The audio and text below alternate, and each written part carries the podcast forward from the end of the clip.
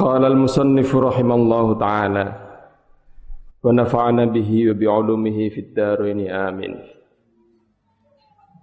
باب استحباب صوم ستة أيام من شوال utawi iki kun jelasake kesunahane poso enam dino min syawal saking bulan syawal. Bab ini menjelaskan kesunahan puasa enam hari dari bulan Syawal. An Abi Ayyub saking Abi Ayyub radhiyallahu anhu.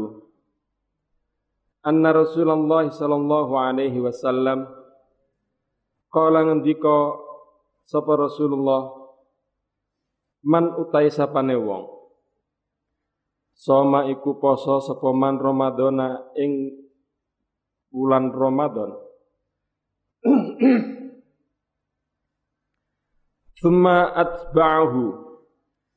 Mongko keri-keri ngetut bureni sapa man. Hu ing soma Ramadan ngetut bureni sitan ing enam maksudnya enam dino min syawal min syawalin saking wulan syawal karena mongko ono opo som ono iku kasyamid dahri kaya dene poso sewulan Rawahu ngriwayataken ing hadis sapa Muslimun Imam Muslim. Sabda Rasulullah, barang siapa berpuasa bulan Ramadan lalu mengikutinya dengan enam hari bulan Sawal, maka seolah-olah ia telah melakukan puasa satu tahun penuh. Kalau dihitung misalnya satu hari itu sama dengan kalau al hasanat di asyri amthaliha. 30 kan 30 satu puasa itu aja 30 30 ditambah 6 hari 36 berarti kalau dikali 10 berapa? 360 hari. Satu tahun itu berapa? 300 eh Berapa? 355 kalau bulan Hijriah ya. Kurang lebih seperti itulah. Nah, kapan bulan Syawalnya?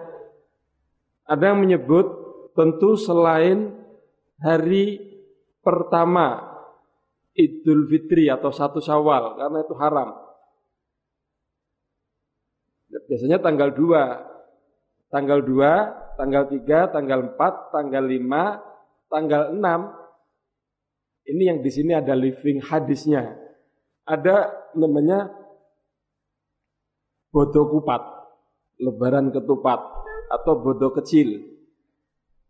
Bodoh apa? Bodoh kucing ya, ada yang nyebut gitu ya. Itu perayaan lagi. Syawal merayakan puasa 30 hari selesai kan gitu. Syawal itu ada perayaan. Nah kalau di tradisi di Jawa ya, kalau di luar Jawa ada nggak? Syawalan gitu ada nggak? Ada. Kalau di sini kan ada itu tujuh hari biasanya kan Syawalan. Nah itu bagian dari perayaan kedua. Ada yang tradisinya itu eh, apa? Bikin ketupat biasanya ya ketupat, lepat, apa lagi? Ya yang seperti itulah kira-kira. Itu dalam rangka iftar kedua. Kalau tadi apa? Soma Ramadan kan gitu. Man soma Ramadana. Selesai Idul Fitri dirayakan. Lalu puasa lagi kan? 6 hari. Berarti hari ke-8 kalau di Rembang itu ke-8 kalau nggak salah ya. Lebaran ke-8 atau tanggal 8 bulan Syawal. Itu ada namanya Syawalan. Itu apa? Tradisi itu muncul dari setelah enam hari atba'ahu sittan min Syawal kemudian lebaran lagi. Ya seperti itu yang namanya living hadis itu.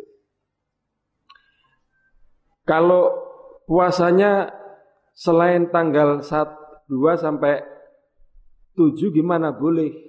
Ya, tadi, tadi kan Yang baik, kalau yang baik 2, 3, 4, 5, 6, 7 berurutan. Kalau nggak berurutan nggak apa-apa. Yang penting ada 6 hari di bulan Syawal.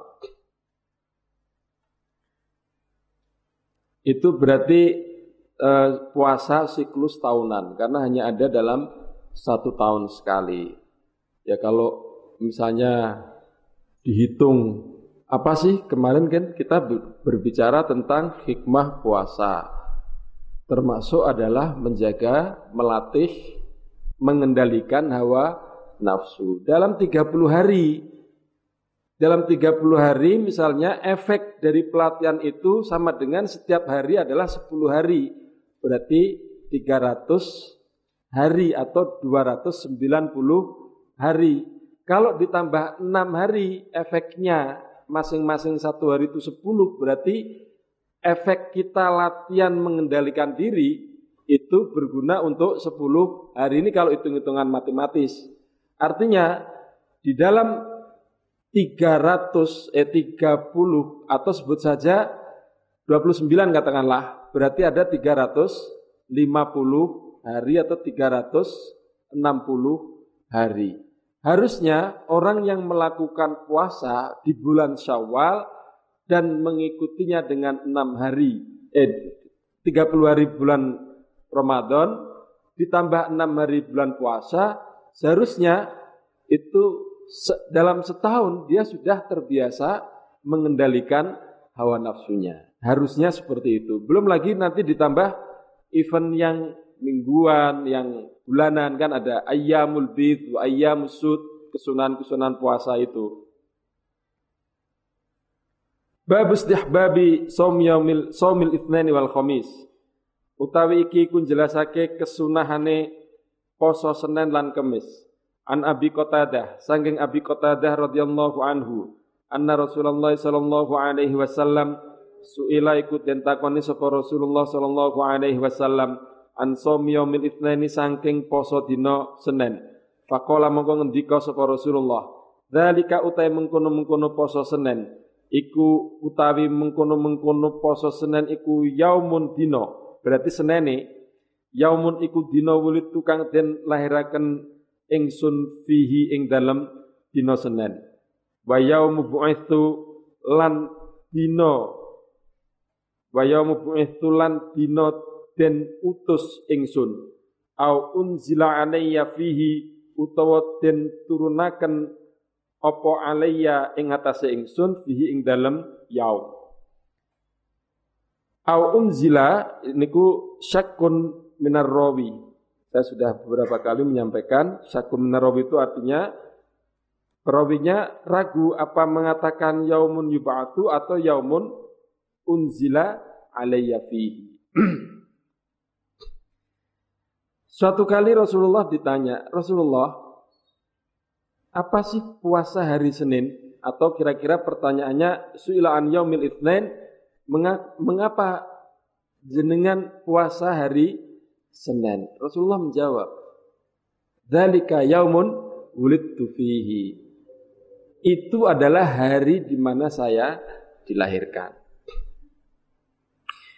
Berarti hari kelahiran Rasulullah itu diperingati. Ya, ini salah satu dalil bahwa memperingati hari lahir Rasulullah itu sesuatu yang ada tuntunannya di dalam hadis. Ya ini salah satunya dzalika yaumun wulidtu fi. Itu hari di mana saya dilahirkan. Kalau misalnya ditanya ada nggak tuntunannya orang memperingati Maulid Nabi? Ya ini. Ya ini. Yang namanya memperingati tentu diperingati dengan amalan-amalan yang baik. Puasa salah satunya Kenapa Rasulullah puasa hari Senin? Karena itu hari di mana beliau dilahirkan. Yang kedua, karena pada hari itu Rasulullah pertama kali mendapatkan wahyu. Hari di mana Al-Quran atau wahyu diturunkan kepada Rasulullah. Itu artinya hal yang baik di dalam kehidupan manusia patut diperingati, Sekali lagi hal yang baik. Nah sekarang kalau memperingati hari lahir kita itu termasuk baik apa buruk? Baik. Saya nggak tahu yang baik itu kelahirannya atau kematiannya. Begini, orang lahir ya, itu hari di mana ia masih suci. Kalau misalnya, kenapa kamu memperingati hari lahirmu? Filosofinya adalah saya ingin kembali menjadi orang yang suci, fitrah, di mana tidak ada dosa, di mana keyakinan tentang tauhid itu masih melekat dan ada di dalam diri manusia. Karena ketika manusia di dalam rahim, dalam kandungan itu kan dibaiat sama Allah ya. Apa ayatnya? Eh? Gak ada yang tahu. Kalau saya ngapal Quran Atau ada yang ngapal Quran tapi nggak tahu kalau itu ayatnya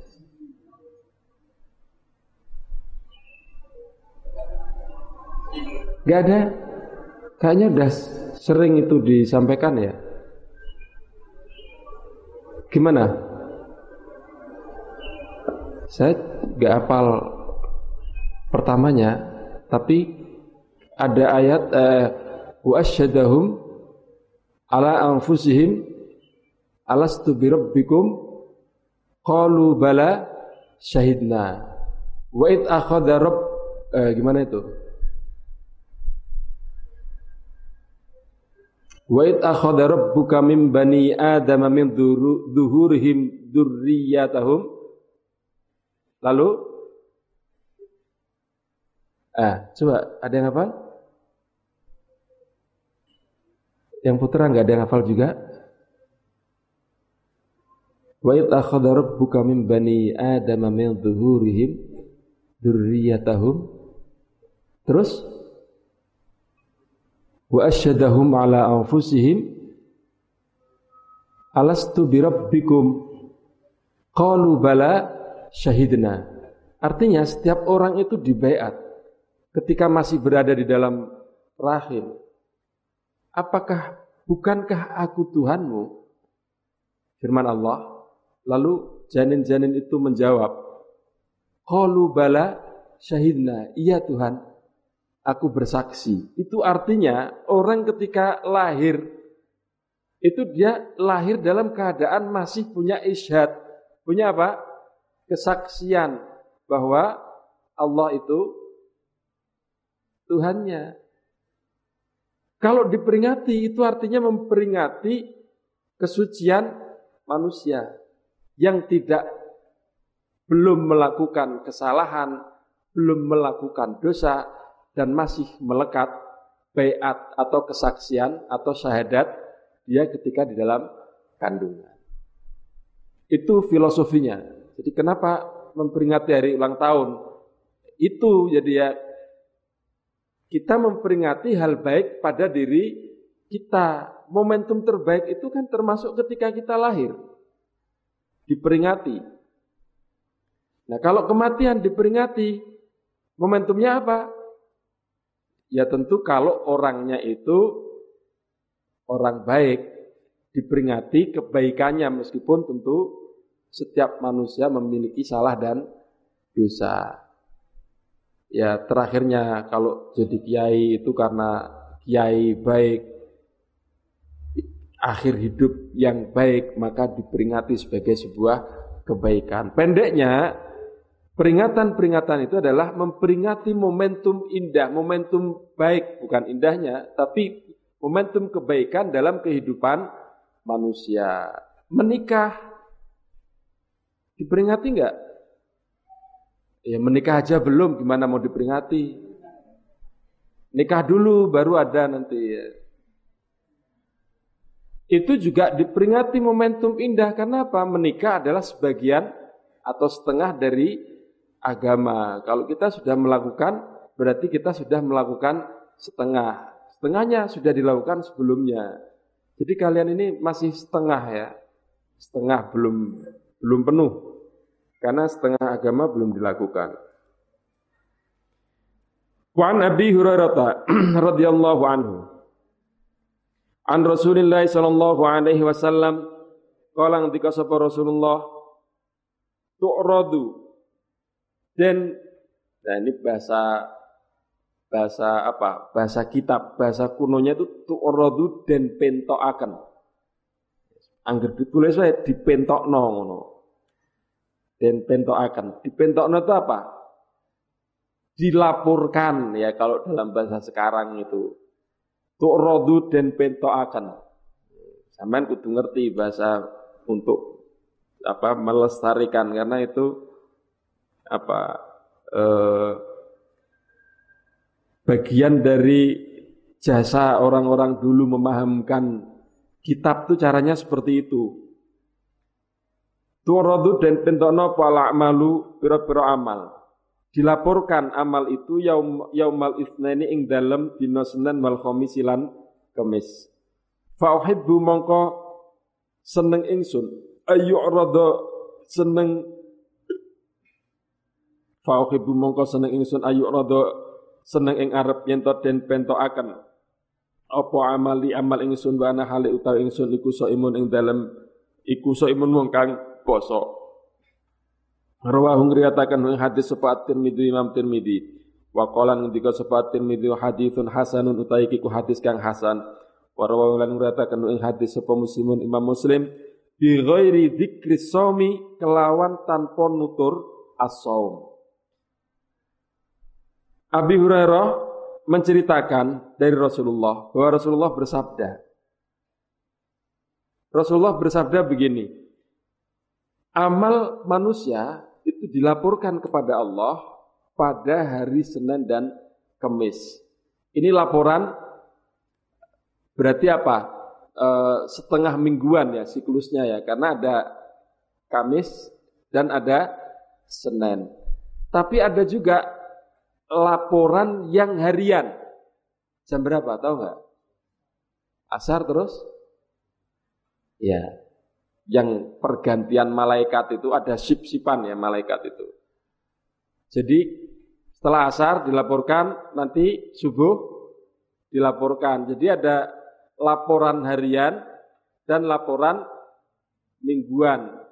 Mingguan itu dua kali, harian itu dua kali. Jadi sampean itu kalau kalau mau melihat um, mengingat ini tentunya Iya ya, kita ini kan dilaporkan tiap hari, tapi kita nggak pernah merasa. Saman tahu kroso dilaporkan.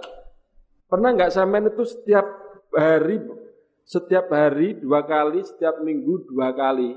Kalau setiap minggu mungkin sudah rekapnya ya, rekap harian gitu kan, dilaporkan. Tapi kita nggak pernah merasa. Hadis ini sebenarnya mendorong orang untuk mengingat ya di luar pengertian soal puasa Senin Kemis mendorong orang untuk mengingat bahwa kita ini dilaporkan. Tapi kita nggak pernah merasa. Sampai kalau dapat KS gitu kan, kayak gugup gitu, wah dapat nilai E gitu, wah udah bingung. Sampai harusnya juga bingung setiap hari. Makanya disuruh muhasabah. Saya ini amalnya seperti apa sih gitu, karena setiap hari dilaporkan. Bagaimana amal yang dilaporkan setiap hari, setiap minggu, tapi kita nggak pernah merasa bahwa kita ini sedang dilaporkan. Apa sih dampak laporan itu? Untuk apa laporan itu? Laporan itu kan untuk melakukan evaluasi. Kemarin rapot saya dapat 6, berarti saya harus perbaiki supaya dapat 7. Kemarin rapot saya dapat 7, bagaimana besok dapat. Karena kita nggak pernah melihat laporan, maka kita nggak pernah berpikir supaya meningkatkan prestasi, prestasi amal tentunya. Nah itu yang saya sebut bahwa sebenarnya ketika disampaikan kita ini amalnya setiap hari dilaporkan, itu artinya kita ini harusnya setiap hari muhasabah supaya hari besok, pencapaian kita besok itu lebih bagus daripada hari ini. Kemudian terkait di sini dilaporkan setiap hari Senin dan Kamis. Maka saya senang sabda Nabi, saya suka, saya pingin, saya ingin ketika dilaporkan itu saya sedang berpuasa. Karena laporannya hari Senin dan Kamis, maka puasa itu dilakukan agar saat amal kita dilaporkan itu kita sedang berpuasa. Ya, artinya begini kalau sampean niru ilmunya ini. Kalau sampean itu pas mau dilaporkan itu berarti mingguan misalnya ya, dilaporkan dari Kamis dan dari Senin. Zaman itu kalau pas mau pengumuman, nggak tahu, bukan pengumuman mestinya ya, pas dilaporkan itu pas apa kira-kira kalau dalam proses belajar itu? Pas zaman ujian, bukan ya? Ya pas ujian mungkin. Jadi sampean puasanya setelah ujian berarti ya. Saat kok dosen ngoreksi itu mungkin pas saatnya Anda dilaporkan keseharian Anda. Jadi puasa, puasa itu eh, bagian dari apa? Amal yang sebagaimana dulu dijelaskan, amal yang hanya menjadi sir, menjadi rahasia antara Allah dan makhluknya. Karena itu ketika dilaporkan, ketika dilaporkan kita sedang puasa itu artinya kita mencoba bermunajat bahwa kita sedang melakukan sesuatu yang hanya Allah dan makhluknya yang tahu. Karena hanya puasa itu yang Allah akan membalasnya sendiri. Kan begitu, maksudnya membalas sendiri bukan berarti yang lain tidak dibalas oleh Allah, tetapi ditangani sendiri oleh Allah. Itu rahasianya lah. Kalau soal kalau sama meniru amalan apa yang menjadi privat yang menjadi hal khusus antara Anda dan dosen misalnya. Ya saya kira nggak ada lain kecuali mengerjakan apa yang menjadi tugas gitu kan, belajar mungkin dan seterusnya. Jadi ketika dilaporkan, berarti ketika dilaporkan mungkin pas ujian ya. Amal Anda dilaporkan sama pengawas ke dosen gitu kan. Lah apa yang Anda lakukan? Melakukan amal yang menjadi amal yang privat, amal yang hanya Anda dan dosen yang tahu. Saya kira ya hanya belajar itu yang bisa Anda lakukan.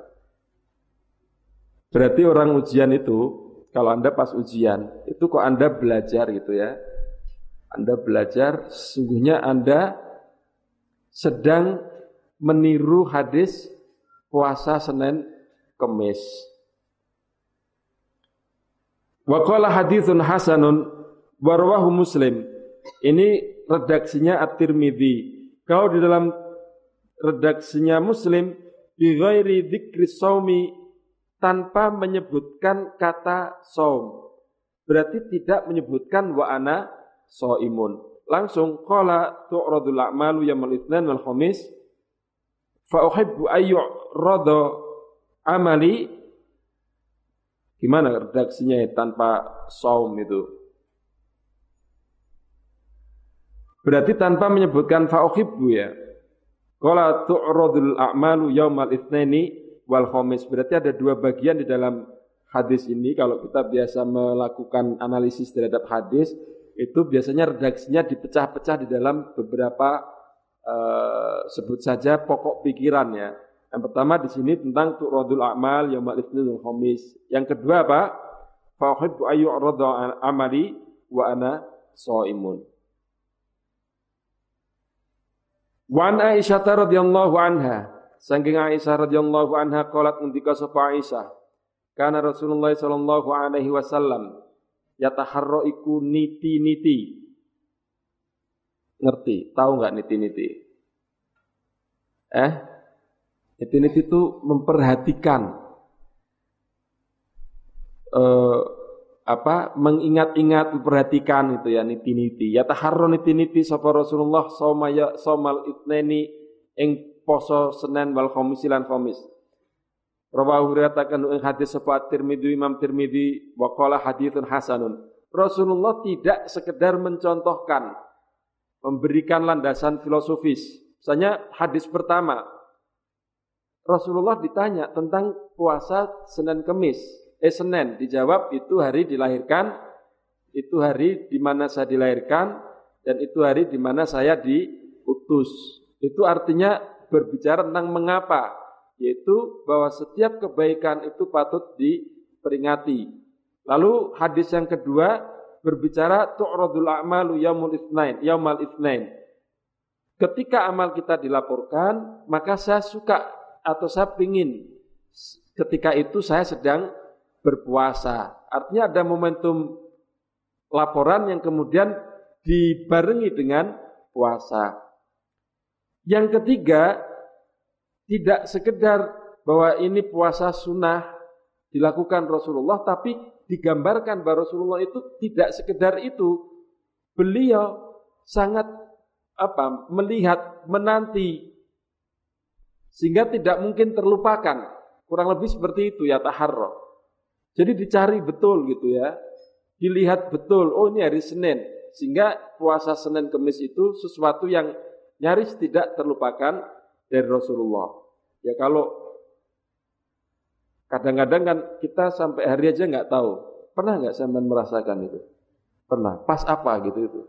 Pas liburan ya. Taunya lu kok sudah Jumat lagi gitu kan. Itu kalau misalnya Jumat nggak ada Jumatan mungkin juga kita lupa hari apa gitu ya itu karena everyday is Sunday, semuanya hari Minggu, jadi seminggu, Senin, Selasa ya sama aja, nggak ada bedanya gitu. Nah, kalau ada bagian yang kita itu memang ingat-ingat betul, misalnya terkait ini apa, Senin, Senin Kemis, konteksnya apa? Kepingin puasa, maka kita akan mencari dan ingat, oh bahwa ini hari Selasa, bahwa ini hari Kemis. Kamu kok ingat? Ya karena saya sedang mencari saya pengen bisa puasa Senin Kemis. Kalau saya bisa selalu puasa ke Senin Kemis akan dapat pahala gitu misalnya kan. Maka dia ingat, lu minggu oh, berarti besok Senin itu ya. Kalau dulu kan tidak dilihat besok jadwalnya Pak siapa gitu kan enggak. Oh, kalau Pak ini berarti besok Senin. Enggak, enggak ada seperti itu kan. Jadi salah satu pengingat hari adalah momentum puasa itu. Bab istihbabi shaum thalathati ayamin min kulli syahrin.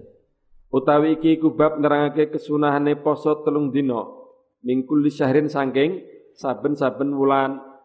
Tadi siklus tahunan yang puasa wa atba'ahu sittatan min syawalin.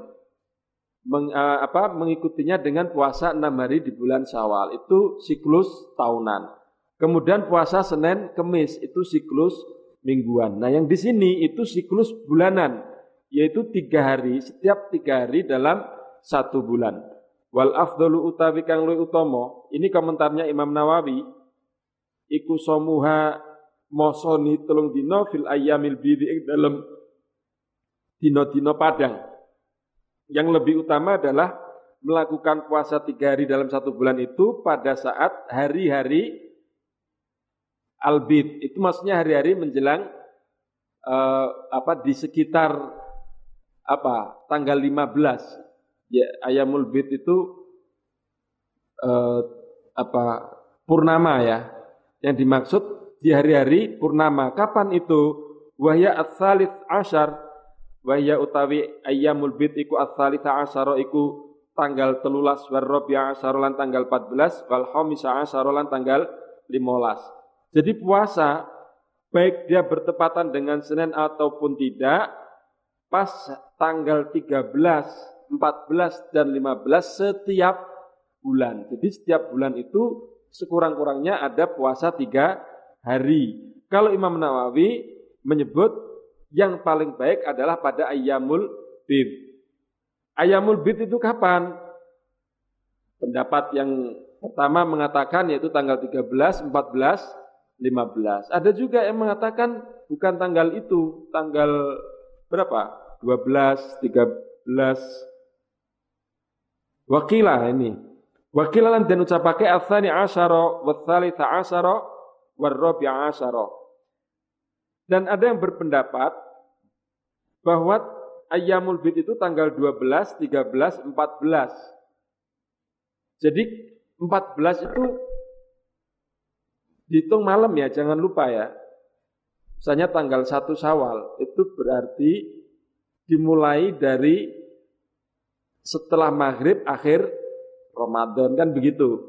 12, 13, 14 itu berarti malamnya 14-nya itu belum purnama. Kalau 12, 13, 14. Kalau 15 berarti malam 15-nya itu malam purnama.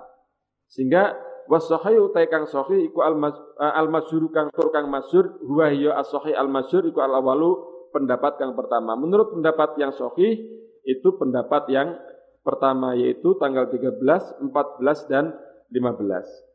Wa an Abi Hurairah radhiyallahu anhu. Sangking Abi Hurairah radhiyallahu anhu kolang dika sapa Abu Hurairah.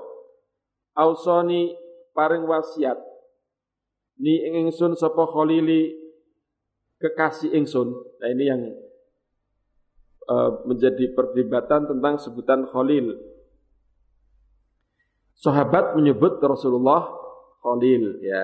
Nah, ini nyatanya Abu Hurairah misalnya disebutkan Abu Hurairah menyebut Rasulullah sebagai Khalil. Karena sebutan Khalil itu kan siapa nabi yang disebut Khalil? Nabi Ibrahim kan? Ibrahim Khalilullah. Kalau kita kalau sahabat mengatakan Nabi sebagai khalili boleh enggak? Nah ini di antara salah satu yang menyebutkan bahwa Abu Hurairah menyebut Qala ausani khalili. Rasulullah disebut sebagai khalilnya sahabat. Ausoni itu artinya boleh. Ausoni paring wasiat ni ingsun sapa khalili kekasih ingsun sallallahu alaihi wasallam ditalatin kelawan telung perkara. Rasulullah mewasiatkan tiga hal Kata wasiat bukan berarti disampaikan ketika hendak meninggal. Tidak selalu seperti itu ya. Ausoni tidak selalu ketika hendak meninggal. Intinya wasiat wasiat dalam pengertian ada wawasso, wa auso gitu ya. Di dalam Al-Qur'an itu menyebutkan memberikan nasihat, memberikan tausiah. Tausiah jadi tidak harus ketika meninggal sehingga selanjutnya tausiah oleh Romo Kiai Haji. Oh berarti Romo Kiai Haji harus mati ki paring wasiat enggak. Wasiat artinya apa? Memberikan mauidhah atau nasihat. Bisalatin kelawan telu. Siami salatati ayamin. Rupane ya poso telung dino mingkuli syahirin sangking saben-saben bulan. Sebenarnya tiga hari dalam satu bulan itu apa saja terserah. Tetapi kalau menurut Imam Nawawi yang terbaik adalah pada ayyamul bid. Warokate duha lan rong rokaate duha. Wan utirolan ang arep yento witir ingsun koblaan anama ing dalem sak durunge turu ingsun muttafaqun alaih. Jadi sabda Nabi ada tiga hal yang disampaikan kepada Abu Hurairah oleh Nabi. Berarti sabda Nabi yang ditangkapkan itu. Ada tiga hal yang disampaikan Nabi atau sabda Nabi yang diinginkan Nabi kepada kita untuk dilakukan adalah apa? Puasa tiga hari dalam satu bulan, kemudian melakukan sholat rokaat duha, dua rokaat duha. Yang ketiga, melakukan witir sebelum tidur. Ya ini memang yang terakhir beda ya, wan utiro koblan anama karena witir itu kan di kemarin kita sudah bicarakan ya di hadis-hadis sebelumnya witir itu dijadikan akhir sholat malam kan gitu. Karena itu ketika misalnya kita sudah witir lalu tidur bangun lagi tahajud kita sholat lagi maka witir lagi. Ada yang menyebutkan digenapkan dulu gitu. Ada yang menyebutkan nggak usah ya langsung setelah sholat tahajud, sholat lain-lain dilanjutkan dengan sholat witir tiga rakaat. Wa Nabi Darda, wallahu a'lam.